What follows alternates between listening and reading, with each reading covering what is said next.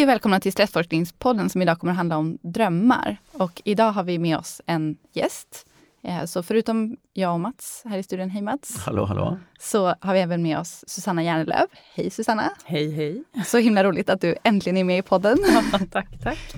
Och vi jobbar ju mycket tillsammans till vardags. Mm. Men jag tänkte ändå att du skulle få börja med att introducera vem, vem du är.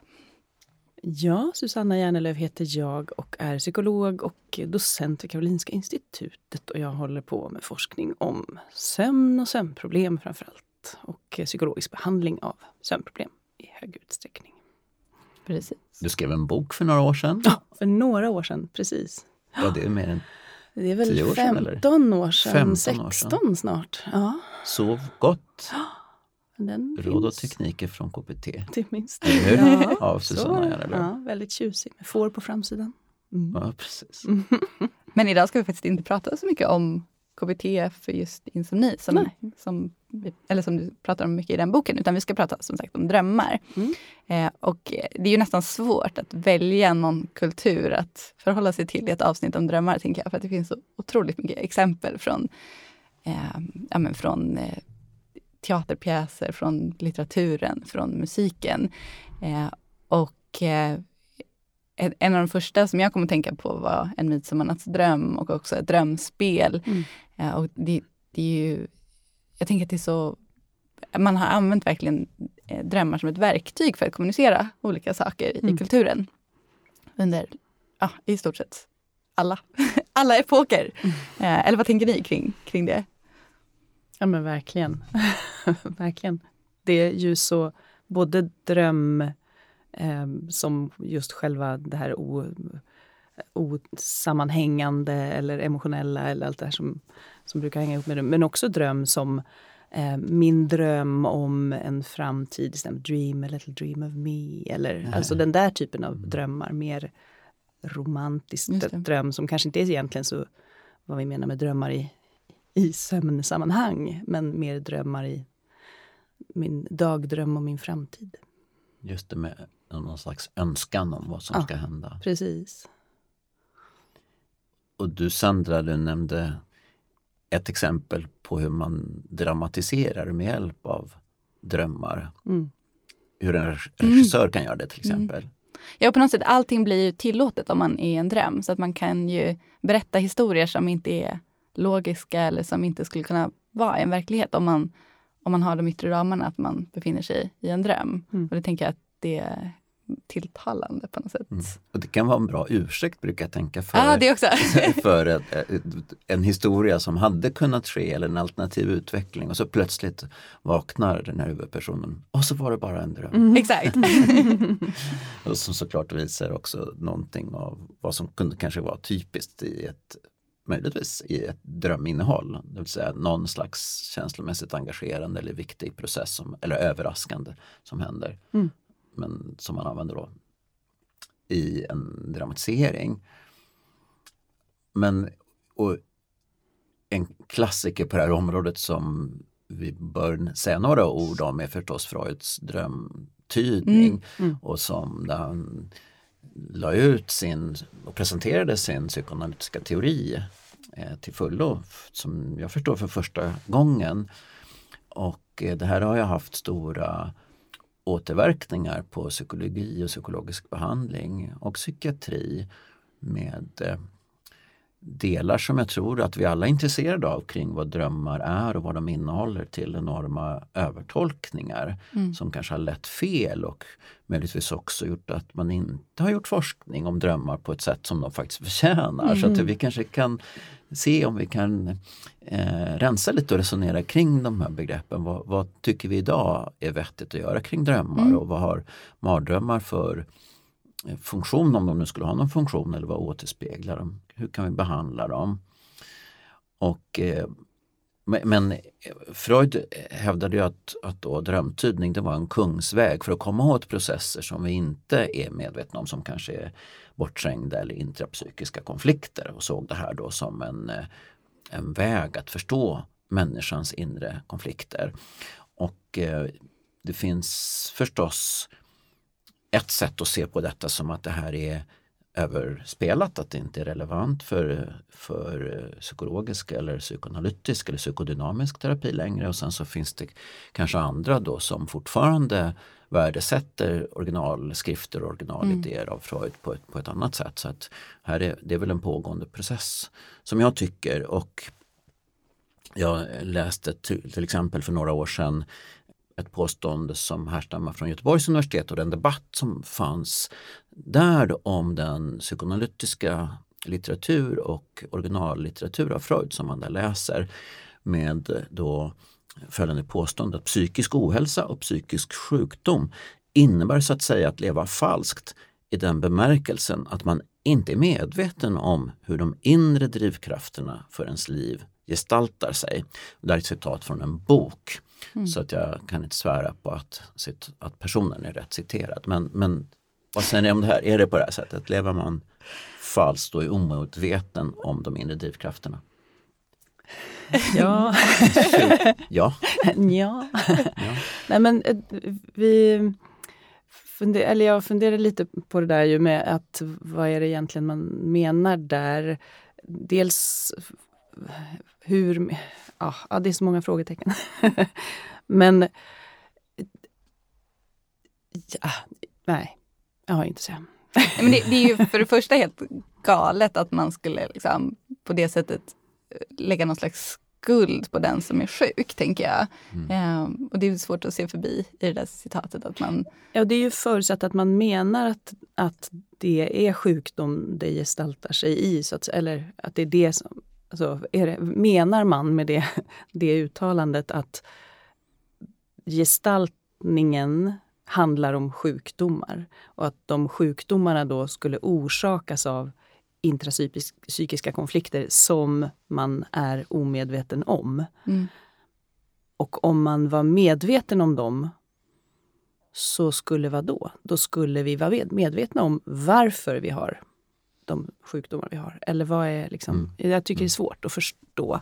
Um, det är ett väldigt hårt påstående att man lever falskt. Så mm. där ligger mycket av den här mm. känslan att man skuldbelägger. Och mm det här är då ett väldigt, tycker jag, då klassiskt problem med, med en dualistisk syn på människan. Att man då har någonting som är liksom psykiskt eller, eller somatiskt. Som mm. att det här inte var då samma processer i grunden. Eh, och då är det väldigt vanligt att man i sådana sammanhang skuldbelägger personer. Så att det här är ett hårt uttalande på det sättet. Och, i, Å andra sidan tycker jag att det är väl inte omöjligt att tänka sig att man då har, att man är omedveten om eh, konflikter eller andra saker som en drivkraft till, till ohälsa. Mm. Principiellt tycker jag inte att det, att det är omöjligt att tänka sig alls. Men menar du då konflikter mellan människor eller tänker du? Alltså Nej, jag, tänk, jag tänker, eller konflikt, jag menar jag tänker ett, ett ett problem kring hur val jag har träffat i livet eller någonting. Eh, outredda emotioner, aggressioner av något slag skulle väl i princip kunna vara en viktig faktor till att jag är, till att jag är deprimerad eller har andra beteendeproblem av olika slag.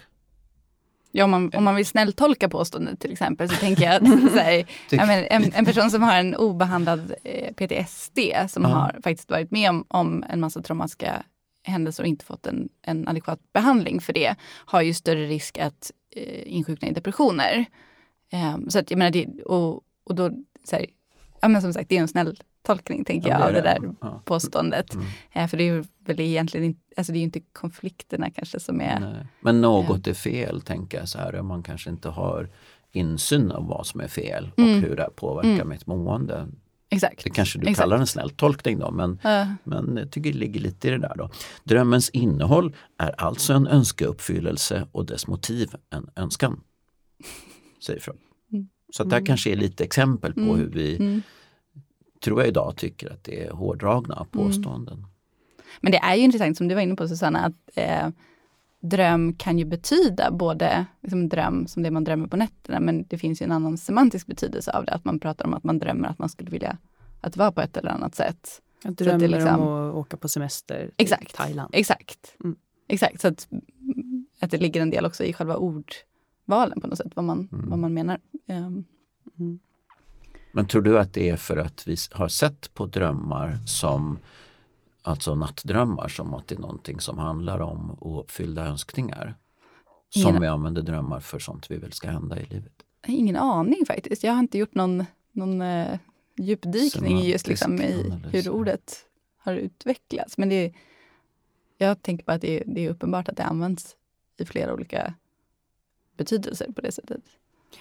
Ja, verkligen. Men jag tänker just att um, det finns ju ändå ganska mycket av en föreställning fortfarande som stämmer överens med då den liksom Freuds, eh, eller vem, det var väl ett Freud-citat? Mm, det var ett Freud-citat. Ja, att det, liksom, det är någon form av, oj, vill jag, är det det här jag vill egentligen? Är det, eh, nu drömde jag att det var på det här viset. Betyder det att det är det som jag vill?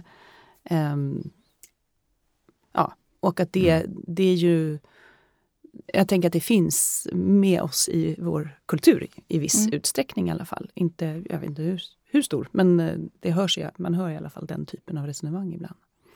Jag tyckte till och med i förberedandet av det här avsnittet så är det svårt att hitta originallitteratur eller vetenskaplig litteratur bland alla andra sökträffar man mm. får på den här typen av påståenden som de vi diskuterar därför att det är så otroligt spritt mm. i kultur, i, den här vidare, i vår kultur i den vidare bemärkelsen. Och jag har åtminstone sett påståendet att man med vanliga sökmotorer då har mycket fler träffar på Freud än vad man har på Marx och Darwin tillsammans. Mm. Så att betydelsen är ju oerhört stor mm. på, på våra tankeprocesser och hur vi ser på människor. Mm. Och som du var inne lite på där, jag har också upplevt att, att det är på något sätt svårt att bli tagen eh, seriöst när man vill diskutera drömmar ur ett vetenskapligt perspektiv. Mm. I, i, för att det just finns den här, på något sätt, eh, någon slags konflikt mellan olika grupperingar som antingen vill då eh, ja, men gå åt det flummigare hållet och kanske inte använda sig av samma vetenskapliga metoder som vi kanske använder i andra sammanhang. Eh, och där det blir väldigt mycket tyckande och, och eh, tolkningar. Eh, och sen så på något sätt från mitt perspektiv är det också orimligt att tänka att det man drömmer inte har betydelse eller inte har liksom en att det inte på något sätt, på samma sätt som det man tänker har ju någon form av, av bas. Eller det, det, koppling till. Ja men exakt, koppling till någonting som händer. Någonting som händer eller sådär. Och, och då blir det så här, ja men okej, okay, det, det är på något sätt två ganska extrema hållningar och, och jag tror att det är negativt för forskningsfältet. Men vi kanske ska gå in på då vad, vad man är intresserad av då i, det här lite, i dagens perspektiv. Och Sandra och inte minst Susanna då, vad, vad, vad, vad, gör ni för forskning och hur tänker ni att man kan få nytta av kunskap om drömmar eller mardrömmar för att mm. hjälpa människor? Eller förstå människan? Oj. Vill du börja? Nej, men, eh, vi kan väl börja, tycker jag, i på något sätt en enklare... Jag, menar, jag har ju hållit på med eh, emotionella processer i koppling till sömn överlag. Och det är ju på något sätt en av de arenorna där man ändå tänker att drömmar på något sätt spelar sig. Liksom. Um, och min, min ingång i det fältet var väl inte drömmar till att börja med. Men eftersom drömmar eh, i högre utsträckning förekommer under det som kallas för REM-sömn och vi tänker att REM har betydelse för emotionella funktioner så blir det liksom en, en, en sån ingång väldigt naturlig för min del. Eh, sen framöver så har jag lite andra idéer kring vad jag vill göra, men det är mer på något slags idéstadium än så länge. Ja. Och du Susanna, hur är din ingång? Ja, men min ämnet? ingång har ju varit eh, framförallt just liksom, problem, ett, när mardrömmar blir ett problem för människor och eh, vad kan vi göra åt det? Så det blir mm. ett behandlingsperspektiv. Mm. Eh, så. Berätta lite om det. Ja, eh, ja men det är ju ehm, det, det, som vi har jobbat med är ju en väldigt, på många sätt, festlig behandling kan man säga. festlig? ja, Jaha. därför att den eh, eh, man man jobbar med själva dröminnehållet. Vilket är, ja, men det är ju spännande på det sättet. Som, jag menar, vi har ju varit inne på det här att drömmar kan vara väldigt eh, orealistiska eller väldigt eh, ja, men, roliga i sig på något sätt. Men mardrömmar har ju den egenheten att de då inte är just roliga utan obehagliga eller skrämmande eller på något annat negativt sätt. Eller upplevs på något annat negativt sätt.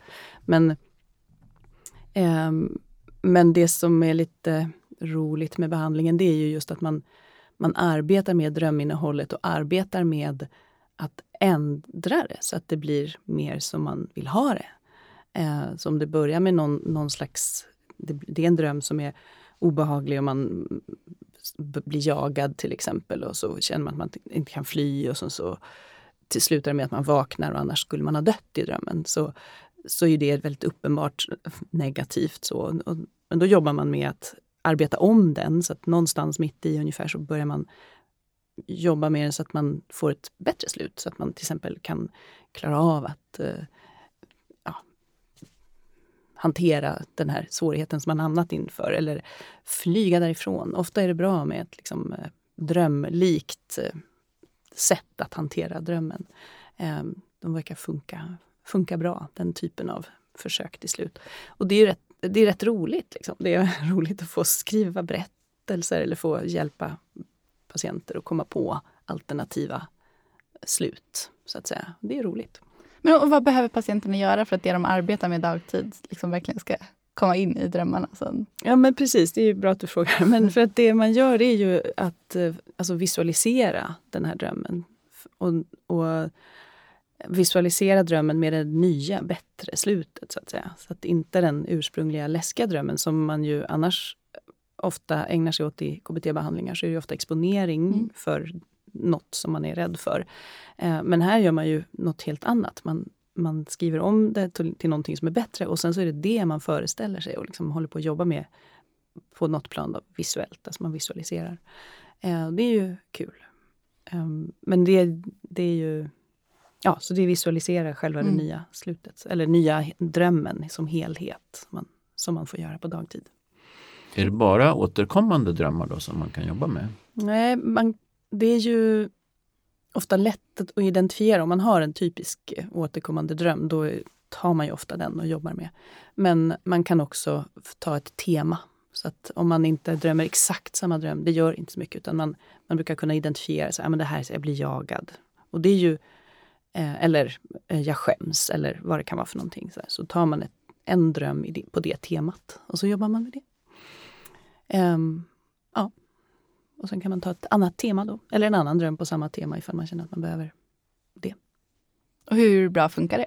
Ja, men det funkar ganska bra faktiskt. Mm. Ja, det, det funkar äh, bättre. I den studie vi har gjort så funkar det bättre än till exempel avslappning som ju också är någonting som man ägnar sig åt, eller då för att minska mardrömmar eftersom mardrömmar ofta blir mer när man är stressad eller när det är mycket som händer. Och så där, då, då drömmer man fler mardrömmar. Och om man nu har en tendens att drömma mardrömmar, vill säga. Det är inte alla som gör bara... Man, man börjar inte drömma bara för att man är stressad. Men eh, då, eh, kan, då ger avslappning en viss effekt. Och eh, den här typen av behandling ger en bättre effekt. Kan du ge något mer exempel än en person som blir jagad? Ja, um, Ja, men det, det, det, som är, det kan ju vara ganska vardagliga grejer också. Att folk är stressade över någonting. Så där, ja, och vi ska lämna... Eh, nu, nu, har vi varit här på en jättetrevlig semester och så ska vi lämna sommarstugan. Och vi måste städa, men vi hinner inte för att vi kommer missa bussen. Alltså, som man kanske då, när man läser drömmen, inte uppfattar som så här jätteallvarlig eller så. Men en, man kan förstå att ja, men det här är jobbigt. så. Men det kan ju också vara drömmar som som verkligen inte framstår som, för den som läser den nedskrivna drömmen, som, som väldigt farliga, så att säga. Ens på, topografiskt, då, man ska säga. Mm. Det liksom den, den faktiska berättelsen är, uppfattas inte kanske för en utomstående som så väldigt läskig. Men den blir det av, alltså, av emotionen man har. Det är emotionen som personen har i drömmen som egentligen är det som är det jobbiga, inte det som faktiskt händer. Här går jag på en, på en stig och jag känner att det är någonting som inte är rätt. Det, kanske, det, liksom det, att gå på en stig är inte så farligt, eller hur man ska säga. Det är svårt att förstå att det skulle vara så farligt. Men känslan av att det inte är rätt kan ju, eller att det är någonting hotfullt där, det kan man ju leva sig in i på, på sätt och vis. Men, men inte det topografiska, liksom att det den topografiska situationen här, det är liksom en bärare av, av någonting annat som är viktigt för en och Ja. kan vara väldigt jobbigt. Ja, verkligen. Verkligen. Kul.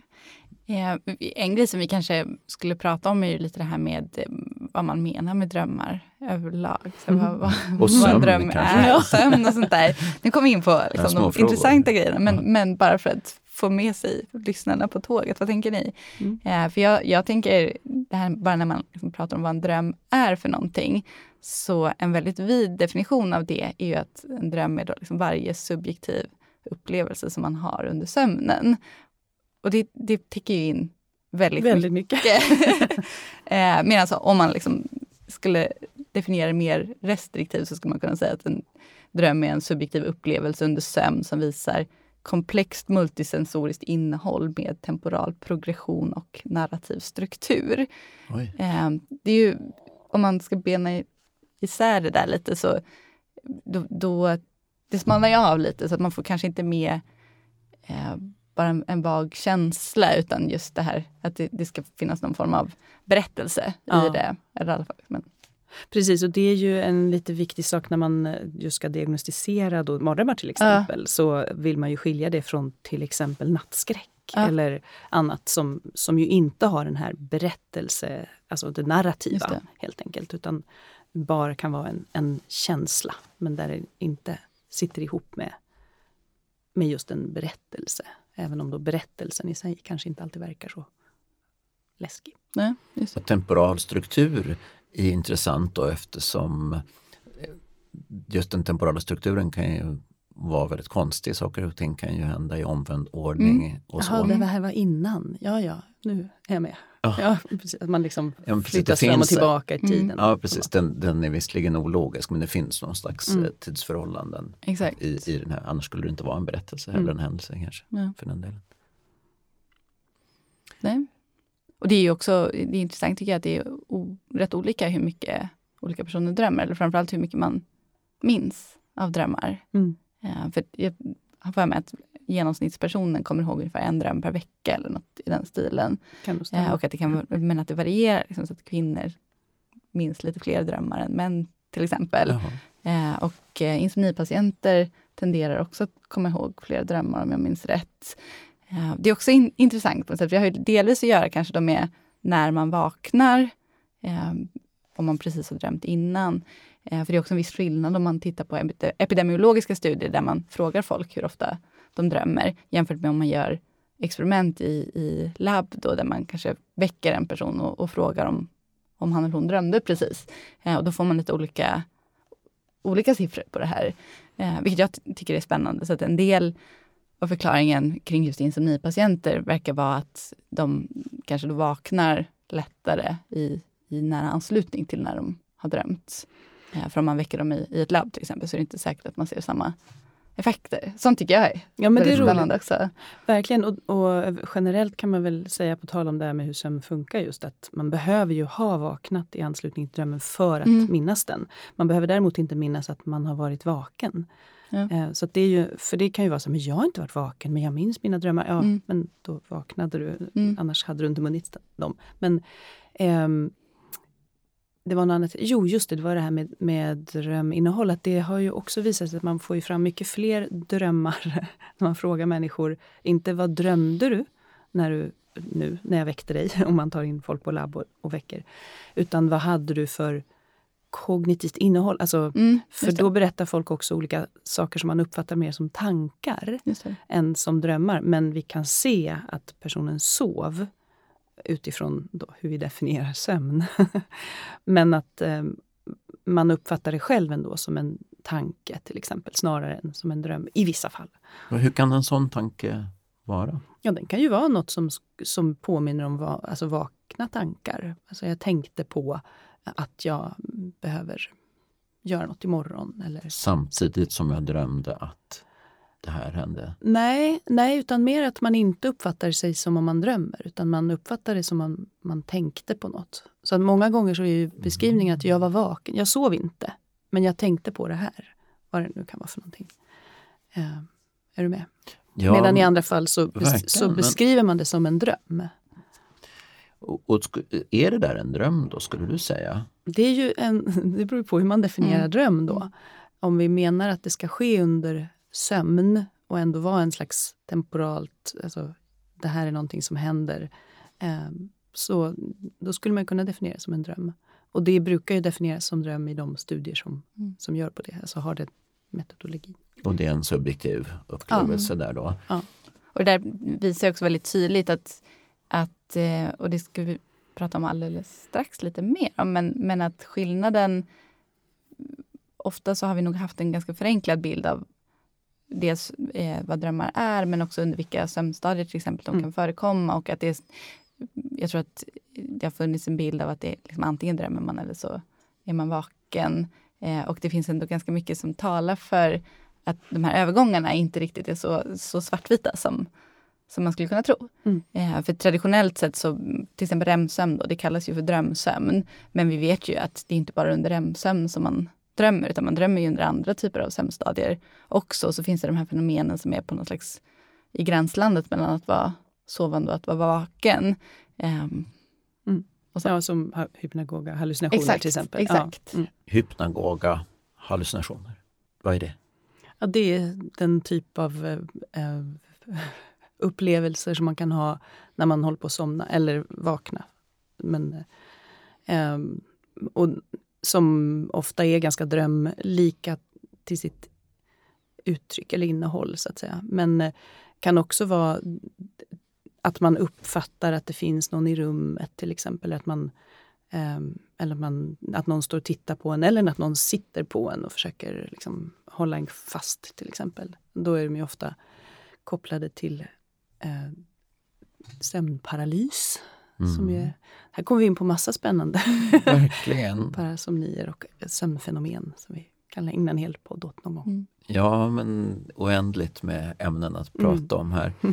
Eh, och, eh, och, och, Sandra, kan inte du bara nämna lite kort hur vi mäter sömn? Mm. Och, för vi ska komma in på ämnet vad som verkligen är sömn och vad som inte är sömn eller vad det finns för gränser mellan de här olika sömnstadierna. Men hjälp oss och lyssnaren lite grann. Tack Sandra. Ja, men, och vi har väl pratat om det här i tidigare avsnitt också, men, men traditionellt sett så ser man ju att eh, det som kallas för gold standard, eller standardmetoden för att mäta sömn, och det är något som kallas för polysomnografi, som alltså i första hand är en mätning av hjärnvågor, eh, eller hjärn, men grunden är ett, ett EEG, alltså elektroder som man kopplar på hjärnan och mäter eh, vad som händer där, alltså frekvensen på, eh, det blir liksom en, ett sammantaget mått på på frekvensen från alla neuron som sitter så pass långt ut så att man kan mäta det från utsidan. Men också i kombination med då att man mäter ögonrörelser och sen kan man lägga till flera olika parametrar som hjärtfrekvens andningsfrekvens. Eh, men och, och sen så tittar man på det här EEG eh, mönstret och utifrån det har vi speciella, speciella kriterier då för när vi säger att man är vaken respektive när man sover. Och inom sömnen så, så kan man också dela upp då i olika sömnstadier där det finns olika markörer som är typiska för respektive sömnstadie. Så det är väl den korta versionen av det. Mm, Och då brukar mm. man prata om REM-sömn då, och sen brukar man prata om icke-REM-sömn, alltså en REM. Eh, och där, eh, den icke-REM-sömnen brukar vi dela upp i sömnstadium N1, N2, N3 där N1 är då en ytlig sömn precis när man håller på att somna. Ehm, och N3 är djup sömn. Och som jag var inne på så, så eh, kan man ju drömma under inte bara REM-sömn utan de andra sömnstadierna också. Sen finns det ju andra metoder för att mäta sömn, lite sämre, men det här är standardmetoden. Nu ska vi lyssna på en intervju som jag och Sandra gjorde nyligen med en fransk forskare som heter Delphine Audiette och hon forskar om klardrömmar.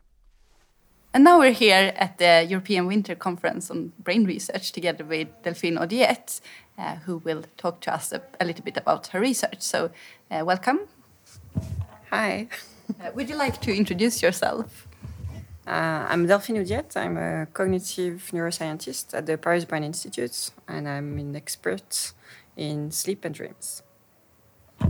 and we heard a fantastic talk by you yesterday, so uh, we would like to ask you some some questions about this.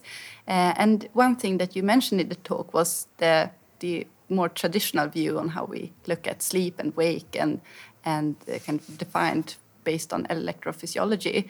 Uh, could you describe this more traditional view? Uh, sure. so the standard way to measure uh, sleep and wake states is uh, in humans is based on physiological criteria. Uh, so eye movements, muscle tone, and uh, brain activity recorded from EEG. Um, and so the view is to divide it, uh, sleep-wake stages into discrete states. So you are either awake or asleep, and when you are asleep, you have four different sleep stages. So the view uh, makes it mutually exclusive, as but if you we had uh, like really and others argue states. that sleep should be, or that these, these states should be viewed more as a continuum, or that there are aspects that are kind of in between these these states. Uh, could you describe these types of of, of um, processes?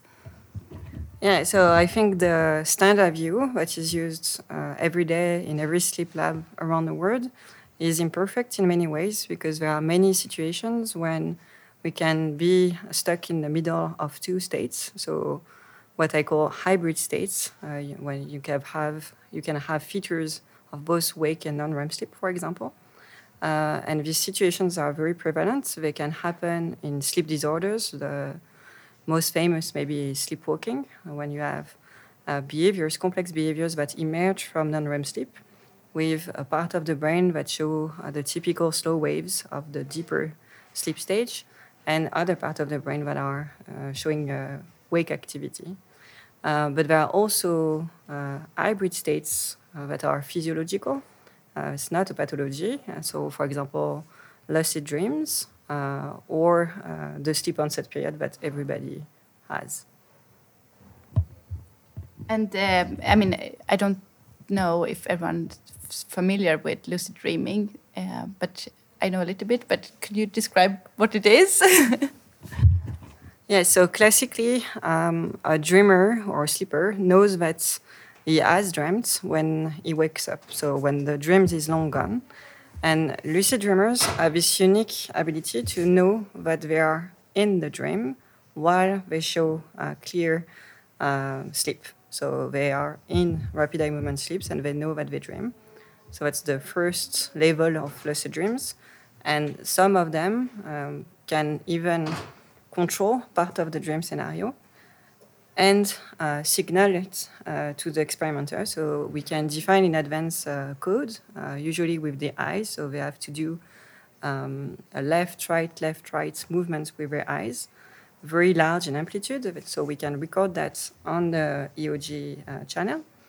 Um, and so this code could be a kind of a timestamp on the recording on when uh, the dream starts and where the dream, the dream ends and we can ask them to do a task in the middle and have a, a dream of interest in the recording. So that's like a signal from the sleeping or almost sleeping person to the experiment that that this I know that I'm dreaming. Yeah, exactly. We we say that they send a telegram or a message from within the dream, uh, a little bit like an astronaut will communicates uh, when he is in the moon and he can see stuff that we cannot see. and uh, may I ask you if you are a lucid dreamer? Uh, I'm not, actually. but you, how do you get into this kind of research questions? Why? Um, because I want to see through the invisible, um, and so I'm really interested in dream research and to try to know why we dream. Um, and so far, I'm pretty frustrated because all uh, that we know about dreams are not about the dream itself, but about the memory of the dream. So we uh, analyze dream reports that are collected long after the dream is gone. Uh, that induces many bias, uh, forgetting, or the difficulty to translate the experience into words.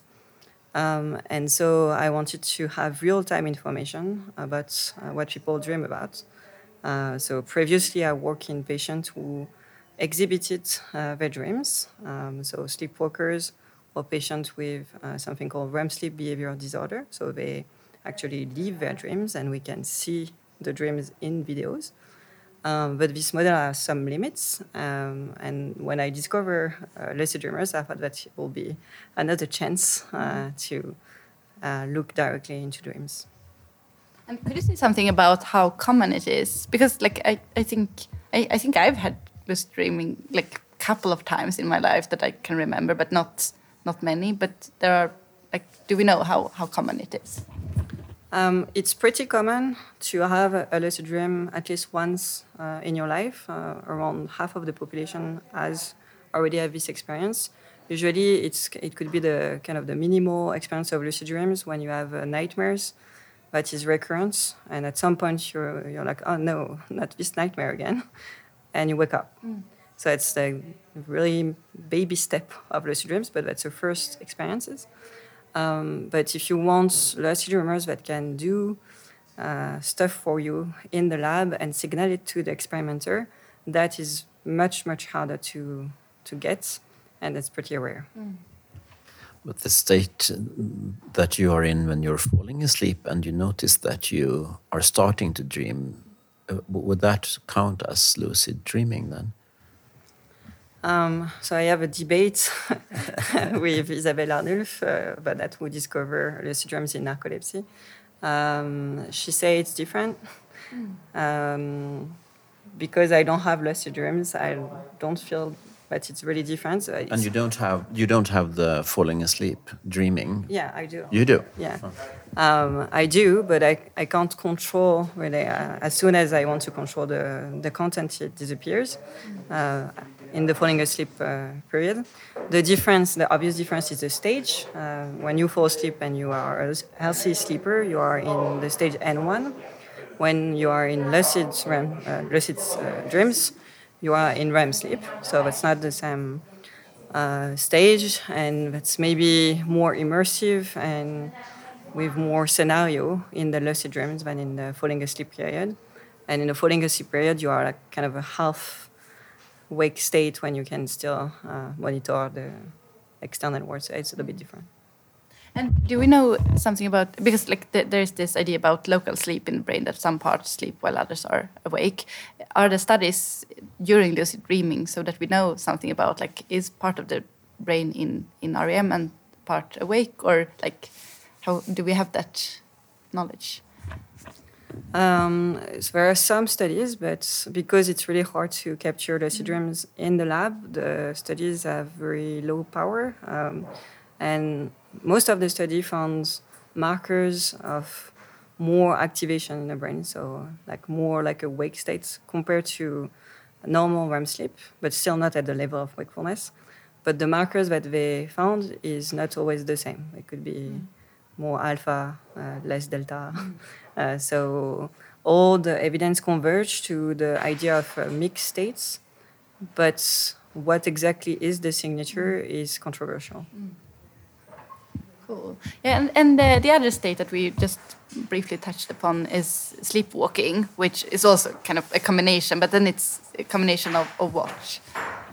A combination of uh, slow wave sleep, so the N3 stage, and wake. Um, and that could be, that's a little bit difficult to know when the episode uh, ends, actually, because uh, uh, how to say that it, it begins with a mixture and then the, because the patient is moving so much mm. is kind of a confusional uh, arousal so we don't know exactly when it ends mm. not super clear mm. And uh, like is there a because i mean if i remember correctly from the neurology course kids that sleepwalk that's like considered completely normal whereas if, if you start doing that as a grown up it's a potential sign of a, a neurological disorder. Uh, so, is there like a physiological benefit of, of sleepwalking, or like is is it just a side effect of a grow, growing brain, or what what's the what's in it? um, I don't know. It's true that kids uh, do sleepwalk much more than adults. Um, I think some adults continue to sleepwalk but that's not disturbing their life. So that's not really a pathology. They don't complain about it. Uh, I'm a little bit biased because the people that we see are the more uh, severe cases of lucid dreams. We are in an adult clinic, so we don't see uh, children, but we see sleepwalkers that comes because they either hurt themselves, like they I don't know jump out of a window, or they hurt someone else, um, and so that's why they come to the hospital. Uh, but I think that maybe uh, a lot of sleepwalkers actually uh, are not considered patients if they don't have any problems, no hurting themselves or others. Yeah, I did have a really scary experience as a kid, sleepwalking out to the car, like in the garden, because we were coming back from the vacation or something, and I managed to walk out and like went into the car, and then I woke up there and didn't know where I was. that was so scary. Sounds very scary. Yeah. yeah. Anyway, so um, you also had some really exciting findings about this communication while being asleep. You, you touched about it with this um, uh, way of communicating with the eyes, uh, but like communication while you're dreaming or while you're sleeping. Can you describe how that works? Yeah, so so far most uh, lucid dreaming research um, have been based on uh, predefined instructions. So basically, we agree in advance with the lucid dreamers the task that he will be or she will be doing, and the signal uh, to say that I'm I'm doing the task. Uh, but that's it. And so we do that before they fall asleep, and then when they are in the lucid dreams, we can't really adjust the instructions in real time. So we thought that it would be even cooler if we could prompt dream data on demand once people are asleep and to have a real uh, two-way interaction with the dreamers. So to do that, uh, we tried different stimulation modalities, so tactile, auditory, uh, olfactory, visual. Um, the auditory and the tactile works best. Mm. Um, so we did that in our lab, but also with three uh, independent uh, teams in different countries who use their own uh, methodology. Um, and I think the more spectacular case was to ask yes no questions um, and to have people answer why they were in the midst of the lucid dreams. Um, so they answer yes by smiling twice and answer no by frowning twice. Mm. And that really works. I mean, it's it sounds like science fiction. yeah, it does. So as a caveat, it doesn't work all the time. Most of the time, it doesn't work. Uh, but we had uh, clear success in 18% of the cases. So they were able to answer the question, we can record the response, and to answer it correctly. Um, in a few other cases, we saw something, but that was ambiguous. So we didn't know um, if the, the signal was imperfect, like one contraction instead of two. So we didn't count them as success, but, but might be more than 18%. And are you sure that they were actually sleeping and not awake? So I'm sure, according to the standard criteria yeah. of sleep. So we see that the uh, REM sleep, you need three uh, criteria. You need uh, theta activity uh, in the brain, you need uh, rapid eye movements, and a flat uh, muscle tone on the chin. And we had these three criteria. So we can say that per what we know about sleep so far, they are asleep. But um, I'm pretty sure there are some local arousal somewhere in the brain that allows for the response. Otherwise, it will yeah, be really yeah. weird. So it was a really intriguing result uh, because it challenges the dogma that say that behavioral responses are impossible during sleep. Um, but we can always argue that it's a peculiarity of a really rare uh, stage that is lucid dreams. So what we wanted to do next is to try to communicate with any sleeper um, during any stage of sleep. So we uh, we play um, auditory stimuli, verbal stimuli. That could be either words or pseudo words. Um, and we ask participants to answer by frowning or smiling three times. And we found that uh, participants could answer in most sleep stages, so very rare cases, but still possible uh, above the chance level, uh, which is very intriguing and that suggests that there are uh, transient windows of responsiveness in any sleeper, so that's not uh, a peculiarity of lucid dreams. Um, my guess is that lucid dreams is more an exacerbated uh, version of these windows.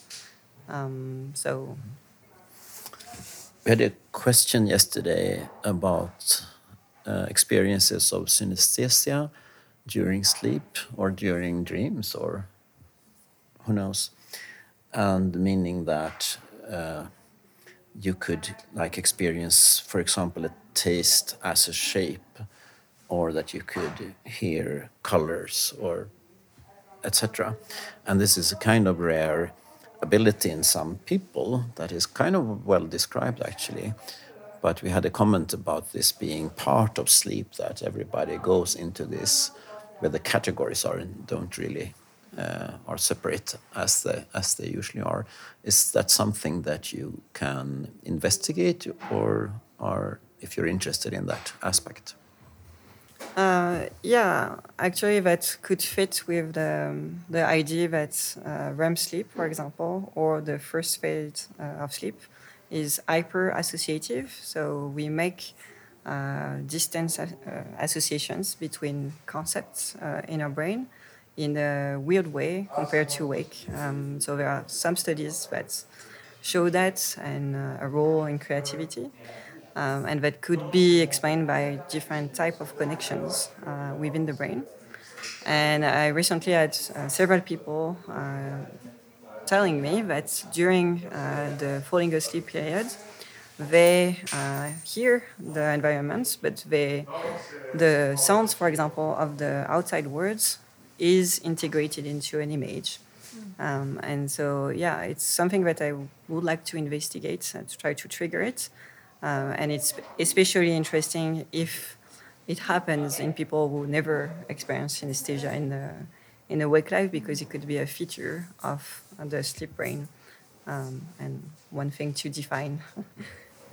That's very interesting, and it, uh, at least from a personal account, it fits with my experiences of, of falling asleep. Because uh, the, for me, the most clear science is that the logic and, and like the categories start to collapse and it's such a nice feeling when you when you're allowed to sleep because then I know I'm just going to this dream world but then concepts can turn into uh, like things etc so it's mm. like the categories kind of, of uh, disappear and maybe that would go for the different senses also that they are not defined in the same way or overlap more mm.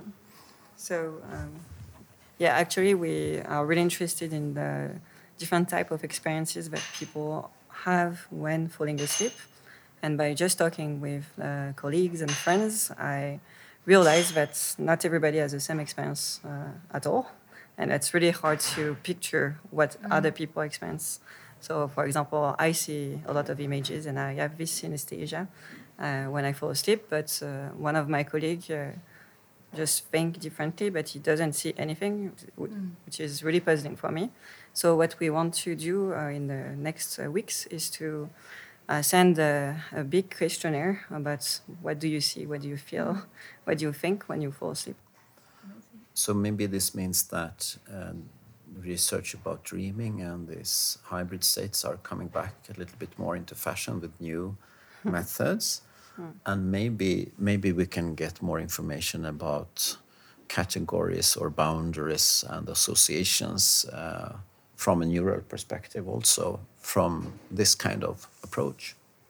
Yeah, yeah, but my hope is to kind of change uh, the view of what it means to be asleep and to go beyond these classical sleep stages.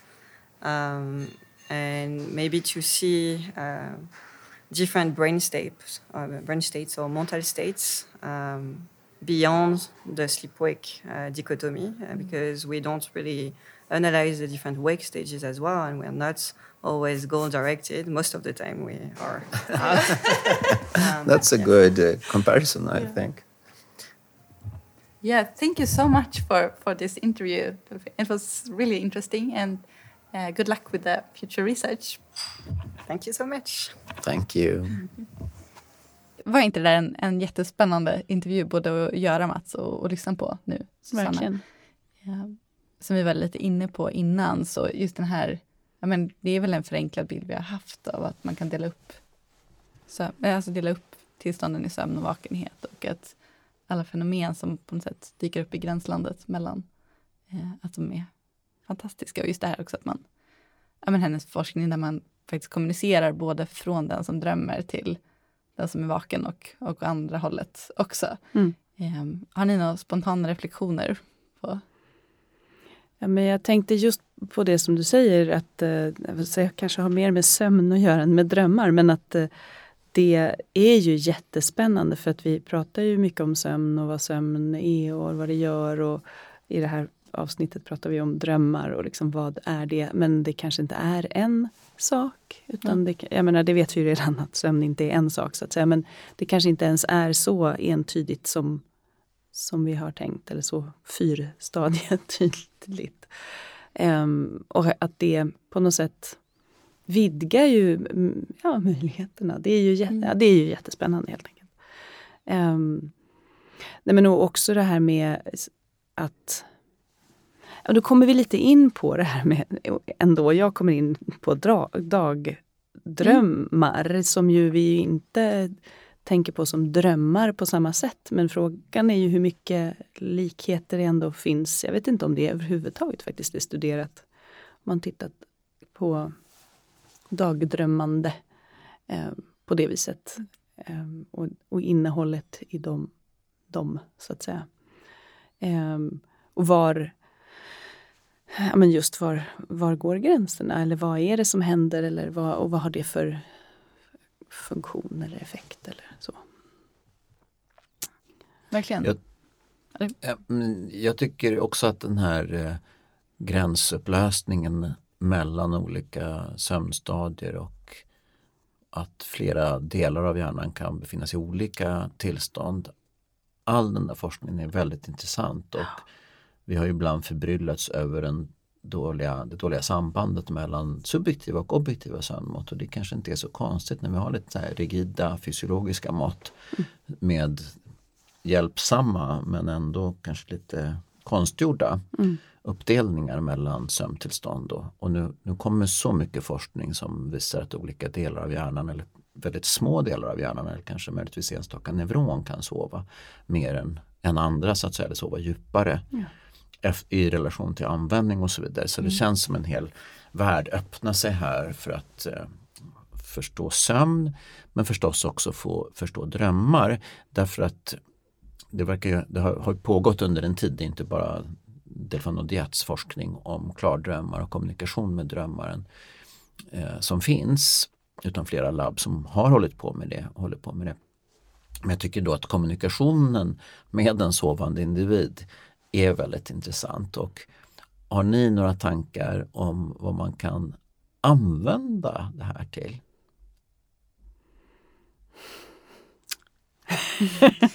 Nej, jag, jag, tänker nog att det viktigaste användningsområdet ändå är att förstå mer om hjärnan. Alltså, mm. vad är informationsprocessande i hjärnan? Och, eh, för det är ju någonstans det vi, allt det här syftar till att förstå. Liksom, vad, vad, eh, vad är en dröm i förhållande till en tanke i förhållande till ja, men någonting annat. Och, så här, eh, och då, då, det är ju så otroligt centrala frågor för eh, alla som har ett nervsystem, tänker jag.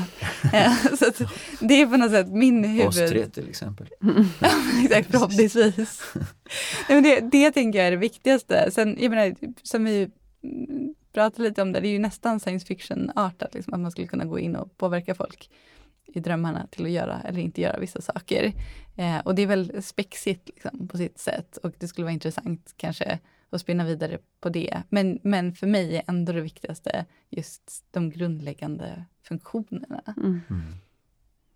Ja, jag håller med fullständigt.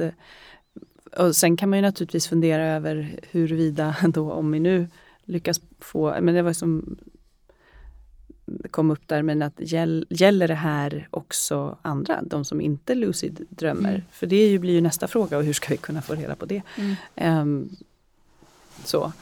men, men verkligen superspännande bara för att förstå ja, men andra saker. Och, och, ja. Det är ju inte kanske direkt tillämpbart.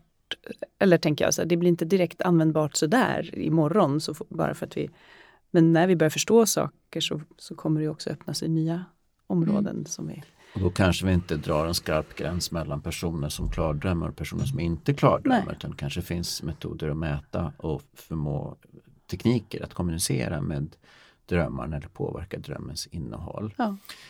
Och då det föranleder några tankar som jag har som jag vill diskutera med er om behandling. Om vi, tänker, om vi går tillbaka till mardrömsbehandlingen, om vi tänker posttraumatiskt stressyndrom så är det så stort problem. Bara en sak som jag tänkte på det var att man har även testat lucid dreaming som en behandling för mardrömmar. Det är bara att det är så svårt att lära folk att göra det. Precis, men det, det är jag intresserad av. Berätta. berätta okay.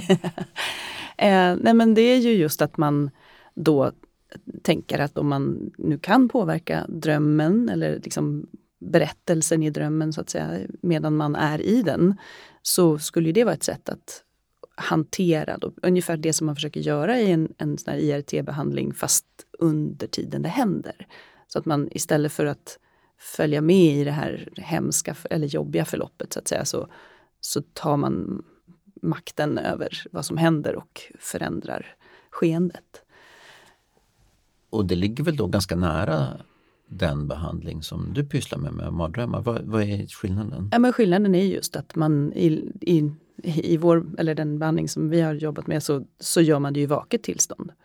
Medan i lucid dreaming-behandlingen så är det ju under berätta, då tänker man ut vad man ska göra i drömmen men man gör det faktiskt. Alltså man, man gör det i drömmen. Du menar att man har någon slags medveten vilja och man ja. kan utföra en handling, ja. det vill säga styra drömmen ja. och vara medveten om den. Till skillnad från att ha någon slags eh, förprogrammering eller priming av att man önskar att drömmen ska ta den här vägen. Annan, ja, För att eh, man kan ju se det här som en slags exponering mm. också, eller hur? Det vill mm. säga att, att det, det, är någon slags eh, naturens egen virtual reality som vi befinner oss i när vi drömmer. Då mm. bör vi kunna lära om, lära nervsystemet, vad vi ska säga, oss själva att kanske minska rädsla genom att exponera oss för ett, en viss sak. Då.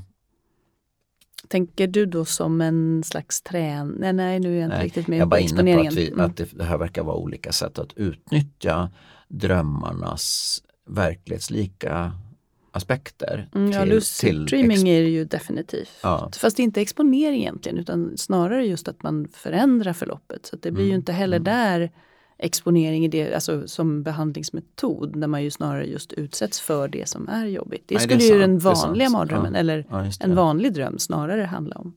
Just det, men om man tänker sig en, en mardröm där det känslomässiga innehållet får, blir annorlunda än det här topografiska. Ja, precis. Och, och man då stannar kvar den, rider ut den och kanske har en annan tolkning eller en annan, ett annat utfall så skulle det likna exponering. På vissa sätt. Ja. Det, det mm. kanske jo, nej, men jag, ja, precis. För funktionen skulle kunna bli på något sätt liknande. Mm, mm, precis. Mm. Och, och mardrömmar är ju uppenbarligen då ett stort problem vid, vid posttraumatiskt ja, stresssyndrom inte minst. Och även ibland annars. Ja. Mm. Och, och, och, en annan tanke som jag har det är då om man har en förmåga att kommunicera med en drömmare. Skulle det kunna öppna för de problem som vi tycks ha vid insomni, åtminstone enligt en del forskare. Att man har då en lite för hög arousal under just REM-sömnen. Och att det här kan bidra till att man inte tolkar om och har en emotionell, väl, emotionellt välgörande funktion av, av REM-sömnen.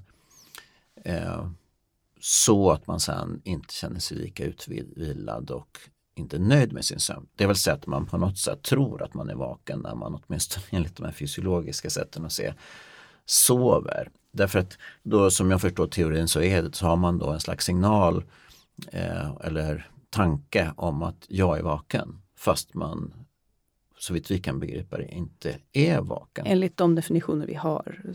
som nu. vi just har ifrågasatt. Ja, precis. Okej, okay.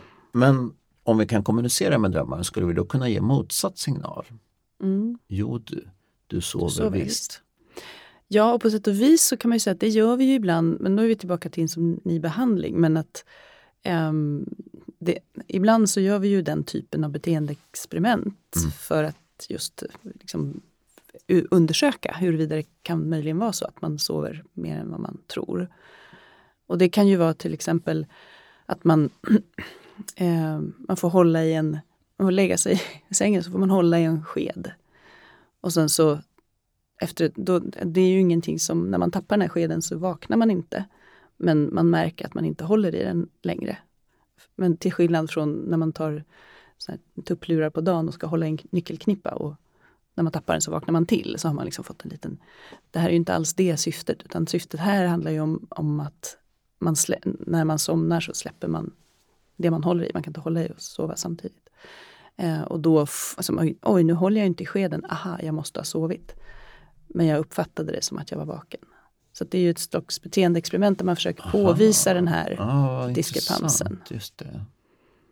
Och man kan också påtala för folk att de sover bättre än vad de egentligen har gjort. hur? Absolut, ja visst, det kan man ju också göra. Och det har man ju också gjort då med olika typer av andra sömn, inte just PSG, men, eller, Mm.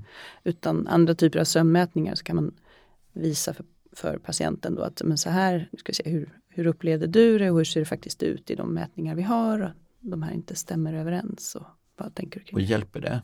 Ja, det brukar det göra. Det är, det är ju så. Så vi kanske inte ska ifrågasätta de där fysiologiska sömnkriterierna för mycket för då kanske det inte hjälper att säga titta du sov visst. Nej, eh, men det är, ju, det är ju intressant just för att då kommer ju också en, en sån fråga som vad är det egentligen som är viktigt med sömn då? Alltså om, om det är så att en person tror att hen inte har sovit och därför mår dåligt så är ju det kanske en annan sak än att, alltså ja, vad är det? Om, och sen så tror man att man har sovit. Och där finns det ju också roliga studier där man har just sagt fel. Alltså man har givit återkoppling till folk och säger att du har inte sovit eller du har sovit. Till personer min som ni. Och då får man reda på att man inte har sovit så mår man mycket sämre. Medan har man får man reda på att man har sovit oavsett om man alltså sover eller inte så, så mår man bättre. Så att det där är ju, vad är vad är, funktion, vad är sömnens funktion för vårt mående och vad är andra faktorer som påverkar vårt mående? Och det är klart att det blir ju, jag menar vi, vi pratar jättemycket om hur, i andra sammanhang då, vad sömnen har för funktion och hur viktigt det är att sova. Eh, och det tror vi ju att det är. och samtidigt så kanske det finns, hos min åtminstone för en del personer, andra aspekter som också är väldigt viktiga för vårt mående. Men också bara som ett tillägg så kan man ju säga att klardrömsträning har ju testats som behandling för För insomni också. Ja, för insomni också. Ja. Ja. Mm. Än så länge inte med superövertygande effekter kanske, Nej. men, men det finns ju Försök. försök. Mm. Men det är ju krux, ett krux är ju just att man inte eh, så lätt lär folk att göra. Mm. Även om det finns jättemycket på nätet om hur man ska lära sig att Mm. Susanna och Sandra, vad, vad, jag vill veta vad drömmarna har för funktion. Hjälp mig. Mhm. Ja. Ja, men man, man kan väl säga att, att det finns olika teorier kring det. Eh, och man kan gruppera dem i, i ja, lite olika kluster av teorier, tänker jag. Där en, som jag var inne på tidigt, en handlar ju om det här med emotionsbearbetning. Att eh, man på något sätt, i, i linje med idén om att man sover för att återställa någon slags emotionell balans, då skulle drömmar kunna ha en del i det. Eh, där finns liksom en, en teoribildning kring det. Eh, en annan teori handlar mer om att eh, man, när man drömmer då kanske man tränar någonting som man skulle göra eller har gjort i verkligheten. Ehm, och att det skulle vara på något sätt, ja men, det, det finns ju också ganska, inom de här teorierna, lite olika idéer, men, men det kan väl också grupperas som, som en funktion. Eh, sen finns det också en del teorier om att de har betydelse för minne och inlärning alldeles oavsett koppling till emotionella funktioner eller inte. Att man, eh, det man drömmer om att man skulle minnas det då bättre till exempel. Eh, och sen så finns det en del som jag tycker är ganska intressanta, lite nyare mm, idéer om att man försöker förstå hjärnan mer som då liksom en, en eh, lärandemaskin eller så här machine learning-fenomen där, där hjärnan bygger en modell av verkligheten och för att eh, modellen inte ska bli som vi säger överpassad, det vill säga liksom, eh, precis motsvara verkligheten så pass bra så att den inte kan abstrahera till nya eh, begrepp så behövs drömmar som är då lite kaotiska eh, för att hela tiden göra den här modellen bättre. Eh, och sen så kan man såklart också tänka sig att drömmar inte har någon funktion utan att de bara är en bieffekt av någonting annat. Till exempel att vi måste ha REM-sömn. Eh, eller andra sömnstadier för den delen också. Och att, att, REM, eller att drömmarna då blir en subjektiv upplevelse som på något sätt blir en konsekvens av någonting annat. Varför blir, eh, om man överpassar eh, modellen, vad, vad, kan du förklara vad nackdelen med det är? Det är aldrig bra att ha en modell som är exakt eh, så som verkligheten bara, för det betyder att om det kommer nya situationer som, som modellen aldrig har stött på innan så, så kan den inte eh, alltså kan den inte förutsäga hur de kommer bli eller, eller relatera. Ta in det liksom. Exakt. Nej. Så en teori ska sammanfatta observationer men den ska inte bara vara observationerna i Nej, sig utan exakt. användas på ett mer flexibelt sätt. Mm, och då skulle det vara någon motsvarighet här då om jag förstår ja. Rätt. Ja. Mm. Och jag vet, det där har väl inte supermycket empiriskt stöd men och det är också otroligt svårt att göra bra forskning eh, på det. Men, men eh, jag tänker att det är de som är huvudsakliga gruppen av teorier? Eller? Jo, nej, men jag håller med. Och, men det som jag tänker med de där, det är ju just att um, det är fortfarande en fråga om alltså, emotionsreglering, minneskonsolidering. Vi vet ju att det här händer, så att säga. Det verkar finnas en funktion som sömn och kanske vissa sömnstadier har mer än andra. Men frågan är ju fortfarande om just dröminnehållet mm. spelar någon mm. roll i det här. Men det mm. kan ju bli emotionsreglerat även om inte dröminnehåll, eller skulle potentiellt kunna. Mm. Det vet vi inte. Men eh, eh, ja, och att, att själva dröminnehållet som sådant, alltså, ja, berättelsen, så, eh, om, det, om den spelar någon roll. Och det är väl därifrån liksom, som de här teorierna, där är ju egentligen den enda som verkligen säger att det dröminnehållet spelar roll, eller det är ju den här eh, Overfitted, overfitted och sen finns det ju också en där man menar att eh, framförallt mardrömmar har en, in, liksom en, mm. för, eh, vad säger, en träningseffekt. För att då skulle mardrömsinnehållet vara ett sätt att träna på saker och ting som, som potentiellt skulle kunna hända. Och hur skulle vi kunna agera i sådana situationer. Så hjärnan som simuleringsmaskin då är vi inne på här. Ja, precis. Och jag tycker det här är extra intressant faktiskt ur det perspektivet att vi tycks ha en modell av verkligheten av, eller av kroppen som tycks spela roll. Inte minst vid eh, mental ohälsa av olika slag.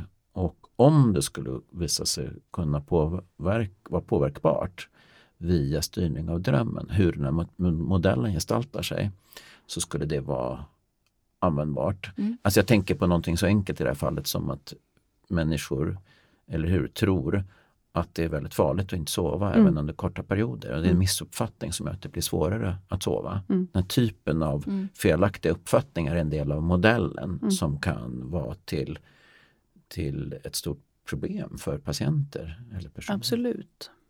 Absolut. Det var filosofiska rummet lite grann där på slutet. Och eh, jag vill tacka tacka Susanna Järnelöv för att du var med i dagens avsnitt Tack om klardrömmar med mera och Sandra Tam.